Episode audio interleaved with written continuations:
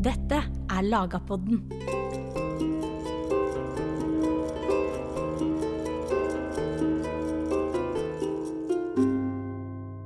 Sammenligner kvinnes rettslige stilling til landslova med den en finner i mange andre lovverk i Europa, så hadde de en sterkere rolle i det norske samfunnet.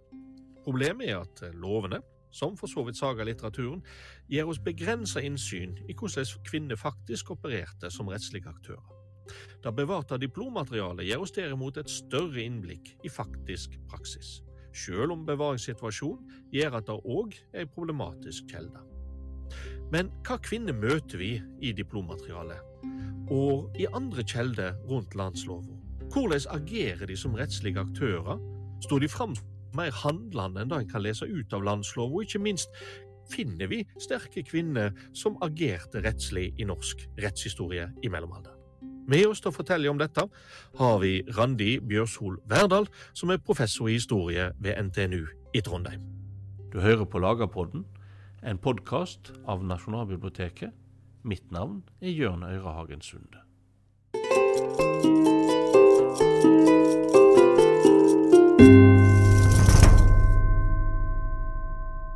Og Randi, kan du fortelle oss litt, hva kjelde har vi til kvinners historie i mellomalderen? Kilder til kvinner i mellomalderen, altså veldig mye av forskninga som er gjort for Norges del på middelalder og kvinner, det er gjort for det som man kaller vikingtid, altså tidlig middelalder, Ja. og høymiddelalder. Og da bruker man sagalitteraturen som kilder i stor grad. Altså noe arkeologisk materiale, men i hovedsak sagalitteraturen. Og sagaene varer jo opp til ca. slutten av 1200-tallet. Så forsvinner jo sagaene og blir erstatta av diplommateriale i større grad.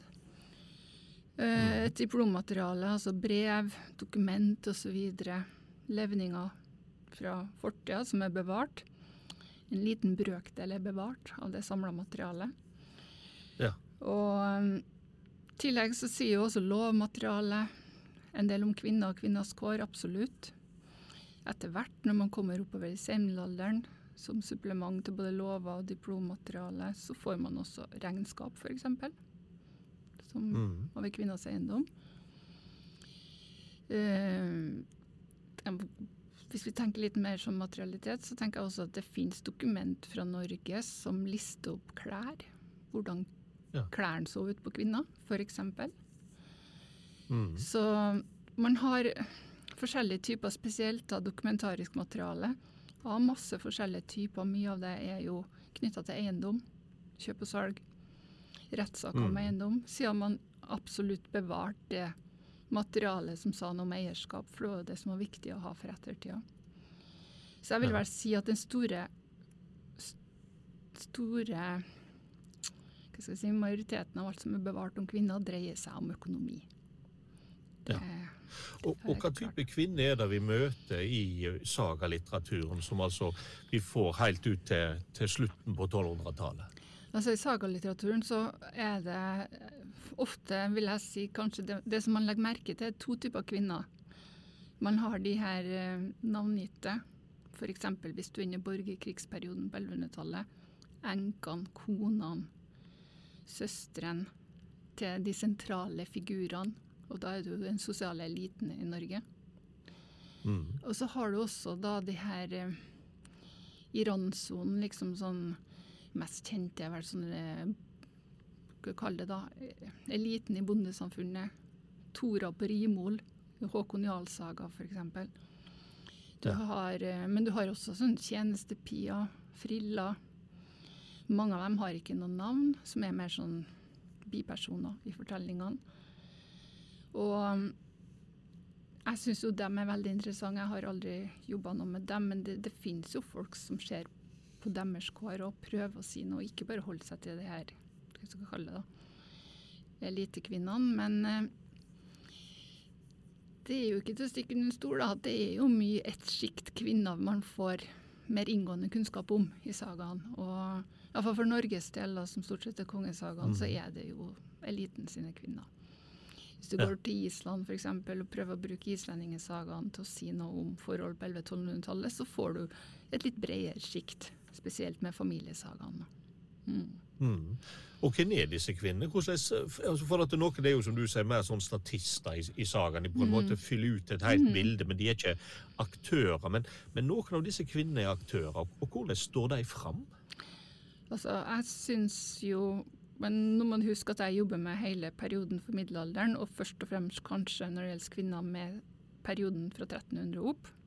Så for meg, jeg kommer jo lett til det her med briller som er veldig prega av at jeg jobber med senmiddelalderen. Og det er klart at det finnes kvinner som var både politiske aktører og skulle du si, kvinnen bak mannen-situasjoner og, og sånn i det her politiske men, uh, spillet. Men likevel så er det et fåtall, sånn som Gunhild, dronninga til Eirik Blodøks f.eks. Hun er en sånn figur som er veldig fremtredende i sagaen. Og hun jeg skal ikke si hun demoniseres, men hun latterliggjøres jo. Og det, det er klart at det her er de- dem som har skrevet ned de sagaene, eller dem som har uh, muntlig overlevert dem. Det, det er for dem pussig med en kvinne i den posisjonen. Og det forklares med trolldom, hun driver med forgiftninger. Altså, det er litt sånn som gjør at jeg tenker at her beskriver de en kvinne som var utom den sosiale normen. Eller kjønnsnormene. Ja. Tenker jeg, da. På andre sida så vet vi jo, og det er jo da det blir interessant Nesten all forskning på kvinner som tilhører den politiske makteliten, uansett samfunn og periode, viser jo at de her kvinnene hadde stor politisk innflytelse og makt. Ikke minst ved at de hadde tilgang på de menn som satt i de sentrale politiske rollene. Mm. Og det kan man jo nesten altså Vi kan jo ikke bevise det i alle situasjoner og tilfeller, men vi kan jo overføre ideene også til det nordiske, og også til de her kvinnene som er kanskje litt mer usynlige i sagaen, tenker jeg da. Og i en sånn setting så passer jo dronning Gunhild veldig godt inn. Eller Gunhild Ja, ja. kongsmor, som ofte kalles da. Mm. Ja, da, det er også, Sønnene ble jo litt latterliggjort òg, da, for Ja, at de nettopp er så avhengige av denne mora som styrer på. Mm. Men, men det er jo litt av karakteren til Kongshagen òg. De er jo politiske skrifter, og de presenterer jo ofte storpolitikken. Mm. Og, og da blir det jo en stor overgang nettopp til diplommateriale. For Ja. det er jo, som du var inne på tidligere, det er jo egentlig det som er bevart og knyttet mye Mm. til økonomi. Mm. Og hvordan møter vi kvin hva kvinner møter vi der?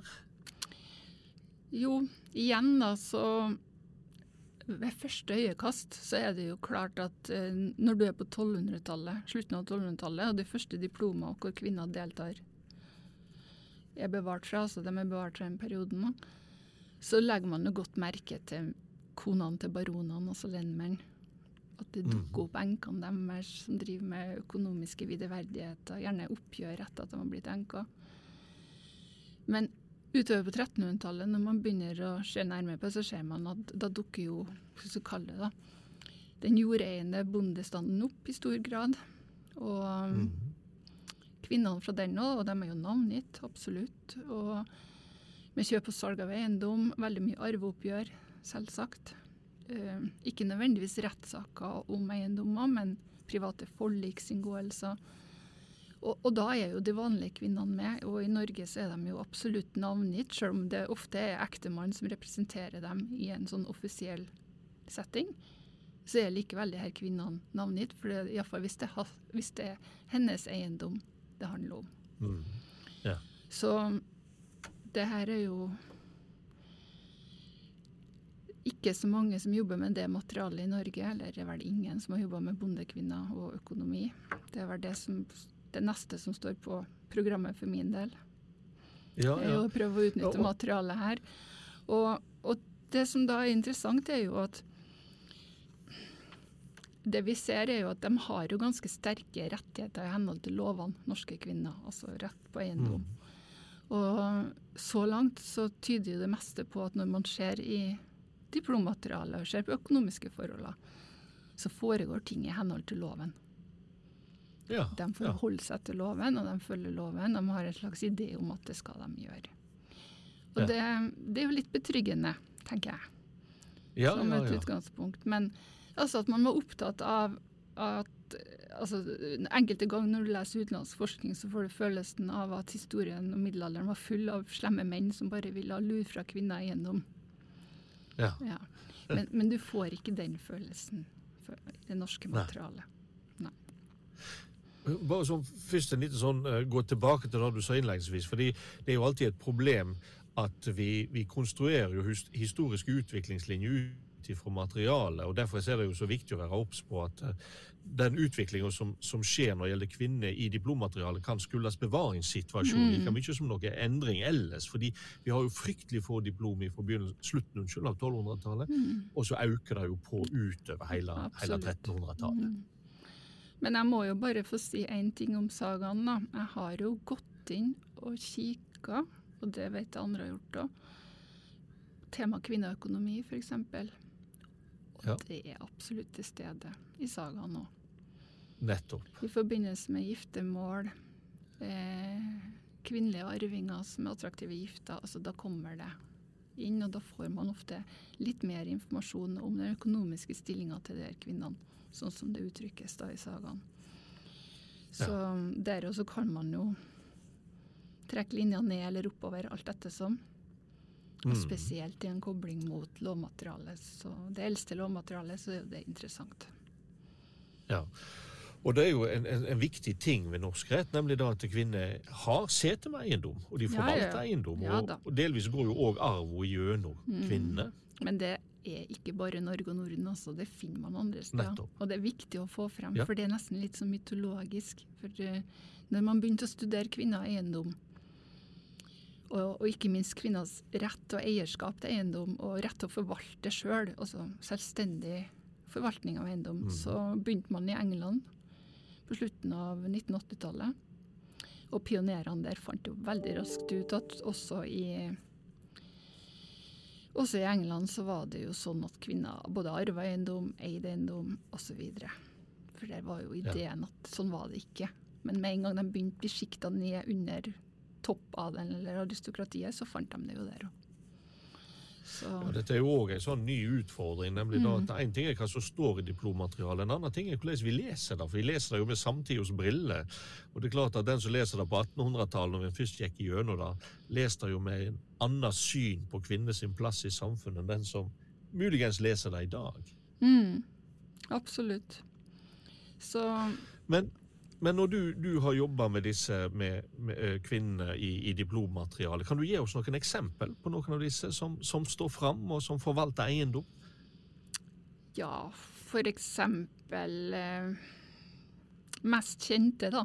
Som jeg kan altså, Og nå, nå sier jeg det fordi at det er mest diplomer bevart om henne.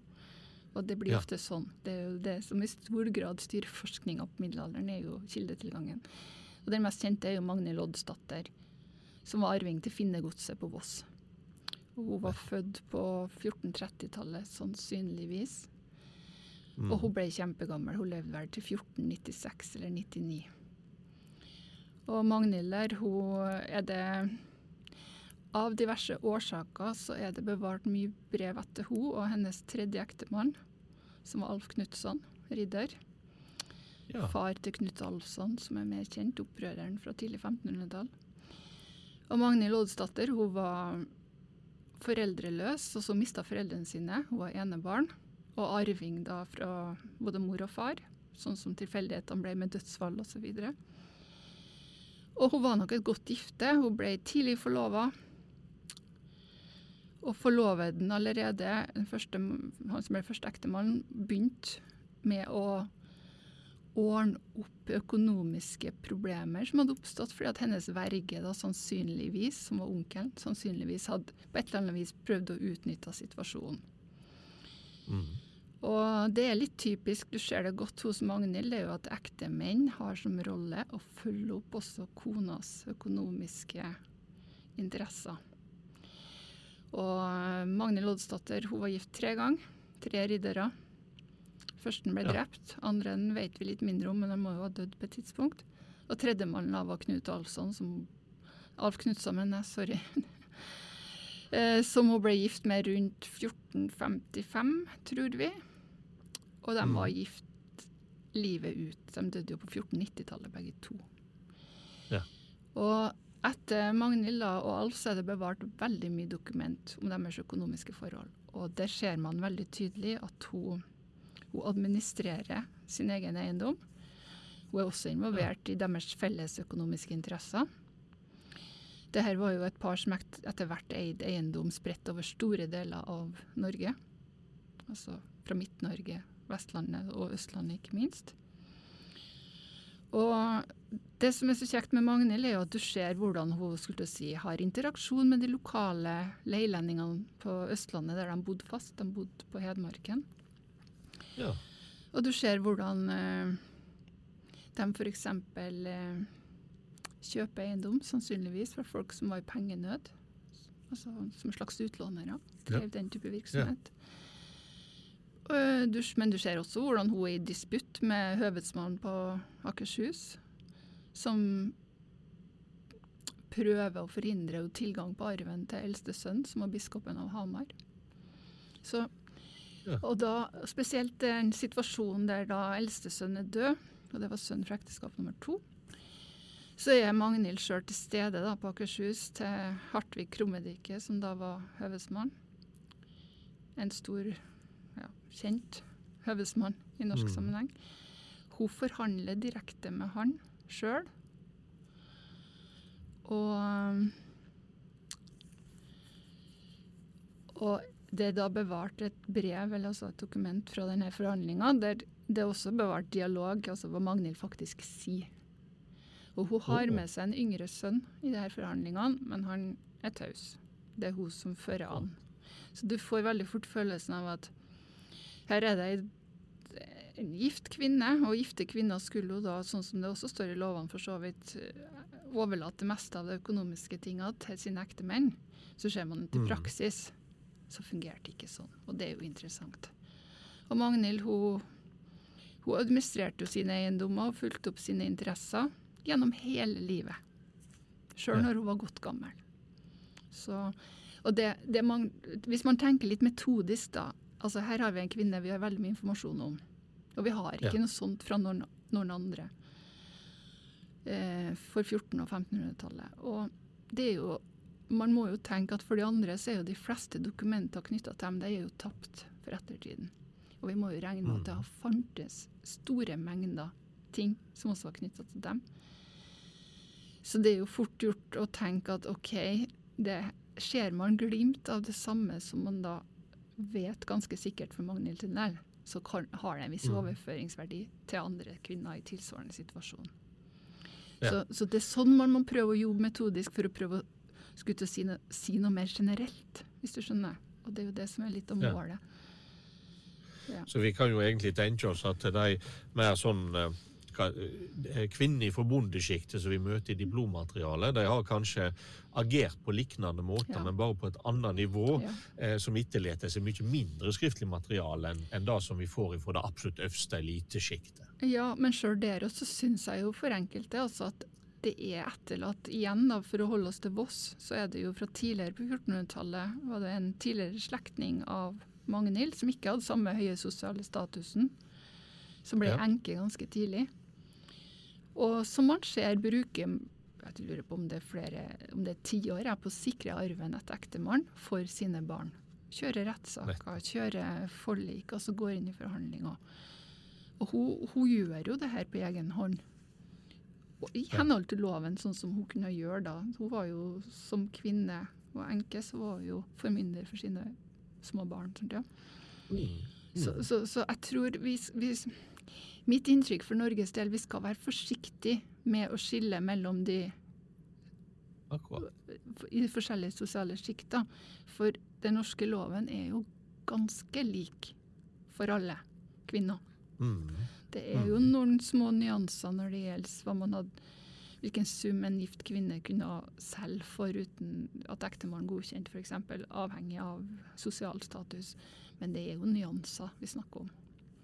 Mm jevnt over. Og så er jo også en interessant ting når, du snakker om uh, Magnhild Oddsdatter, og det er jo at vi tenker jo gjerne at uh, de som sitter med eiendom, de sitter i ro, og så får de en årlig leieavgift fra leielendingene, og så mm. ferdig med den. Men mm. da å drive et jordgods er jo mm. egentlig som å drive en stor bedrift. Ja, ja, ja. En ganske mangeslungen aktivitet. Familiebedrift er jo et, uh, en forklaringsmodell som brukes i forbindelse med mm. i forskninga på de tinga her, også når det gjelder kvinner. og Og da er det jo ofte litt av poenget å vise at de her ekte, eller ektefruene, altså hustruene, var også en del av den familiebedriften. Og Det er derfor det er så interessant når du får brev som viser ikke bare at de har kjøpt og solgt sånn eller sånn og sånn makeskifte eller eh, av eiendom, men, Ja. men der du faktisk ser at OK, vi har et problem med en leilending, han følger ikke opp. Noen må inn og løse det. Og når du da Ja. ser at hustru også er med og løser det, da får du mer den der da, praktiske drifta av familiegodset. Og så handler det jo også for norske for den norske adelens del i senmiddelalderen. Mange satt jo med godskompleks som var spredd over store deler av landet. Det var jo mye, og det var mye å følge opp. Ja. Og det er jo klart for enkelte av dem så får du et inntrykk av at de følger opp jo sine egne gods, hvis det er et ektepar. Men det er jo en praktisk sak ved det òg, for det er mye å holde kontroll på. Og f.eks. med Magnhild Oddsdatter, ektemannen arva jo Giskegodset på Sunnmøre. Ja. Og han måtte jo da opp dit og håndtere det. Altså reise fysisk opp dit og håndtere det. Mens hun da dro kanskje til Voss for å håndtere det. Hun hadde der. Mm. Så det er jo en praktisk side ved det her som jeg syns man ofte må tenke litt på. Det, alt handler ikke bare om kjønn. Det handler litt om hva Nei. som faktisk er nødvendig for at det skal fungere. Kall det hverdagen, da. Og ei kvinne som Magnhild Oddsdatter må jo, tenker jeg meg av og til, nesten ha hatt kontordager. fordi du kan jo ikke bare reise rundt og, og overse godset heller. Du må altså sitte og skrive brev til forvaltere og ombudsmenn som du har rundt omkring. Ja. Nesten som å drive ei bedrift i dag. Ja, jeg tror det. Og det ser man jo hos enkelte. Om du ikke ser et sånn fullstendig materiale, så ser du i alle fall rester av at det foregikk på den måten. Og da igjen for å koble mot forskning internasjonalt, som har jobba veldig mye med kvinner i det sjiktet her de siste 30-40 åra, så får du på en måte bekreftelsen hvordan det her fungerte. Og det er jo Man kan godt si at det er jo forskjellige sosiale og kulturelle strukturer i forskjellige land, men, men hvis man tenker det rent praktiske elementer for at man skulle få inn de inntektene man skulle ha, f.eks., så ser man jo fort likheter. Kanskje mer enn forskjeller. Og med Magnhild Oddsdatter så kommer vi jo etter hvert mot slutten av mellomalderen. Men, men da møter vi jo en annen kvinne som skal ta oss inn i tidlig nytid, som Ja. er utrolig fascinerende. Og det er jo hun som ofte blir omtalt som fru Inger til Austrått. Ja. Som jo virkelig viser hvordan jeg ei kvinne kan ha en veldig spesiell og framtredende synlig posisjon. Både lokalt, men òg altså riksdekkende. ja. Og det er spesielt. Jeg må jo bare si det med en gang. Det, det der er det eneste sånne eksempelet vi har fra norsk seinmiddelalder. La nå det være sagt. Mm.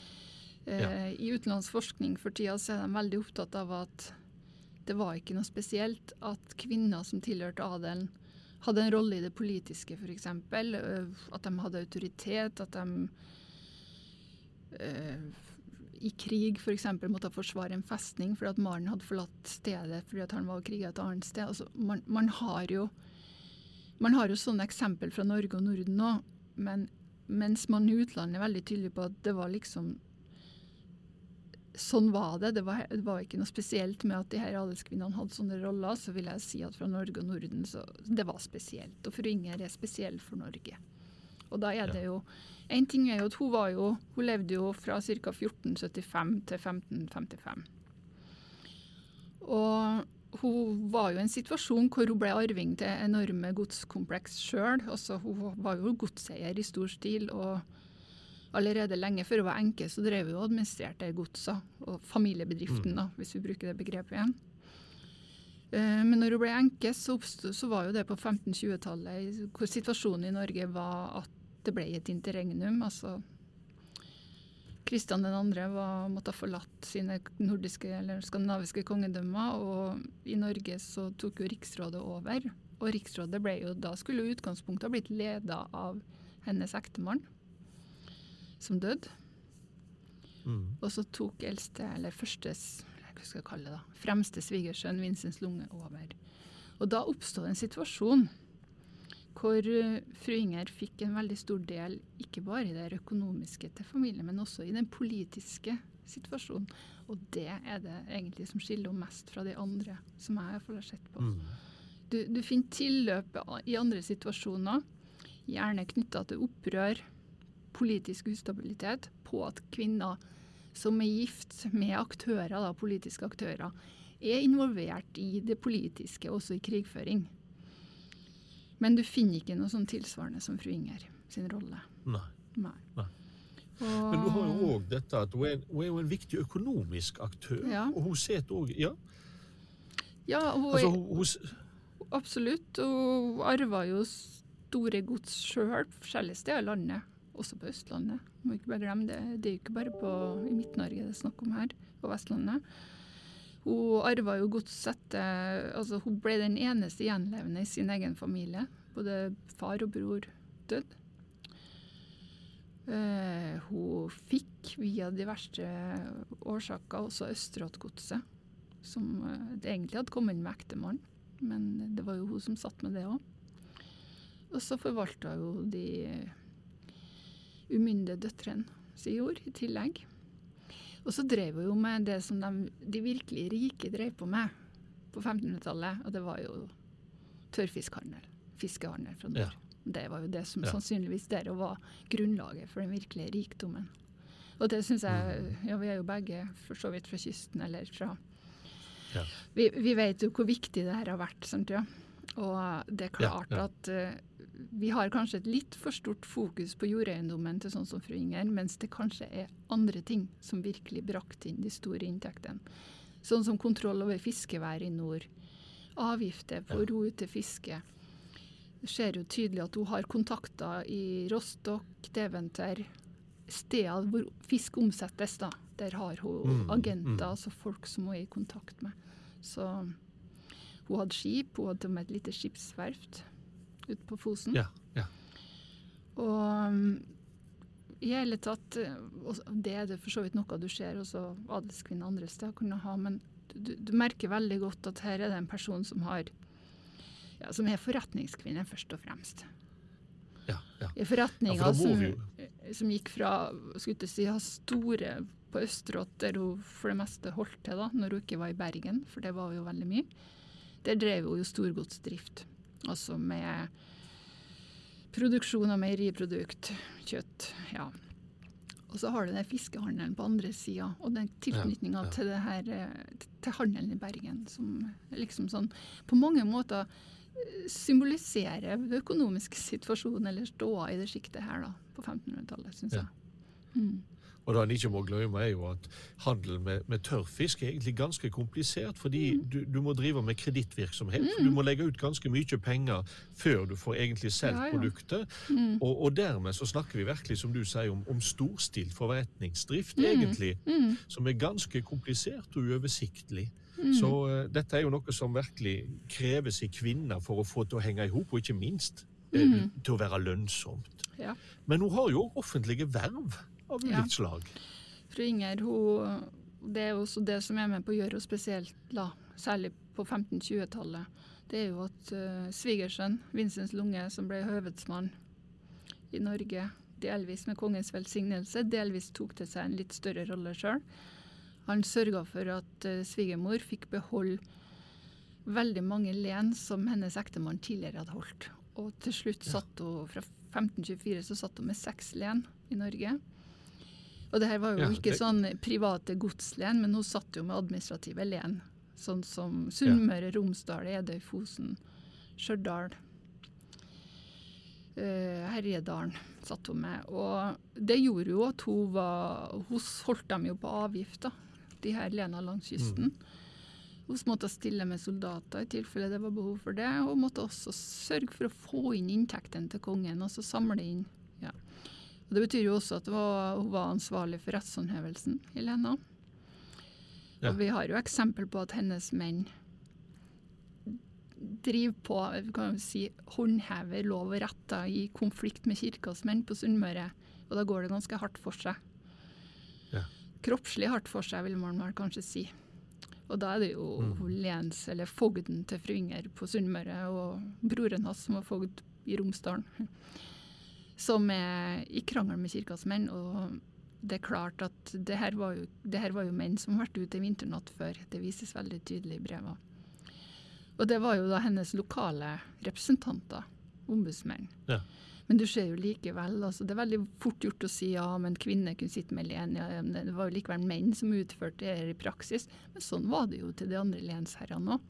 Mange av dem hadde Ja. jo helt andre oppgaver. De satt og overlot det her til ombudsmenn.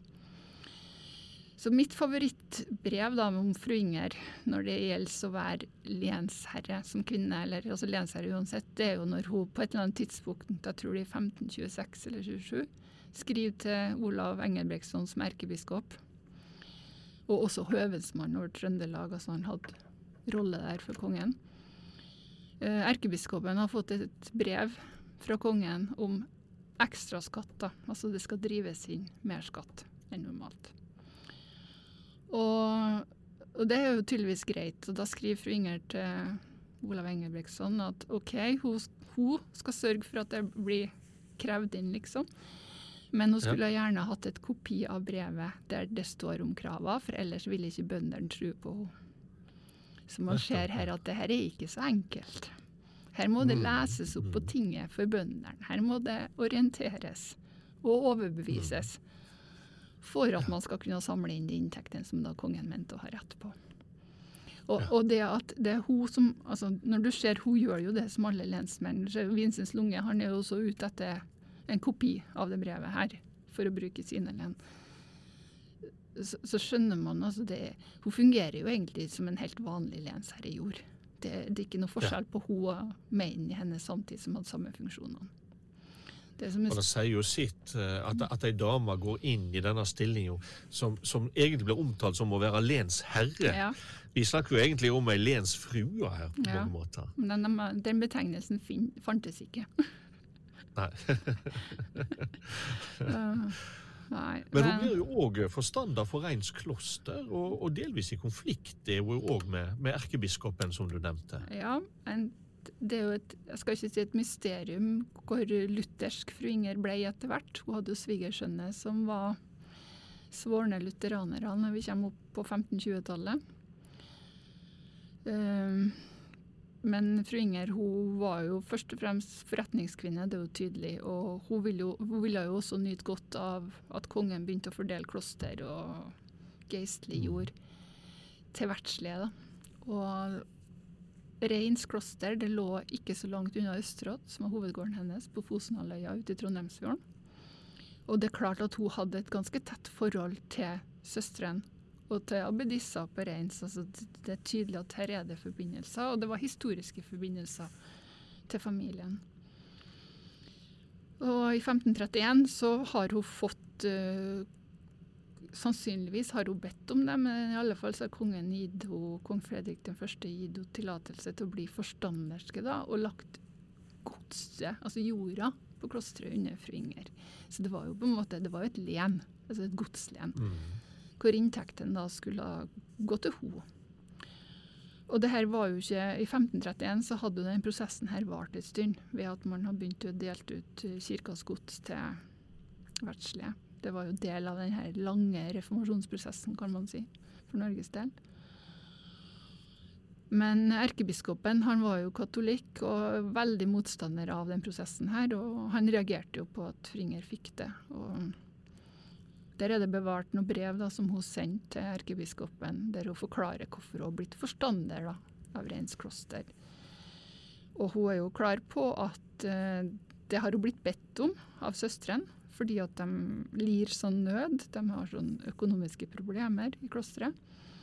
Og gitt alt vi vet om klostra i Norge i den tida her, så er det godt mulig, det. Det er ikke sikkert det er noe fru Inger har funnet på for å legitimere det.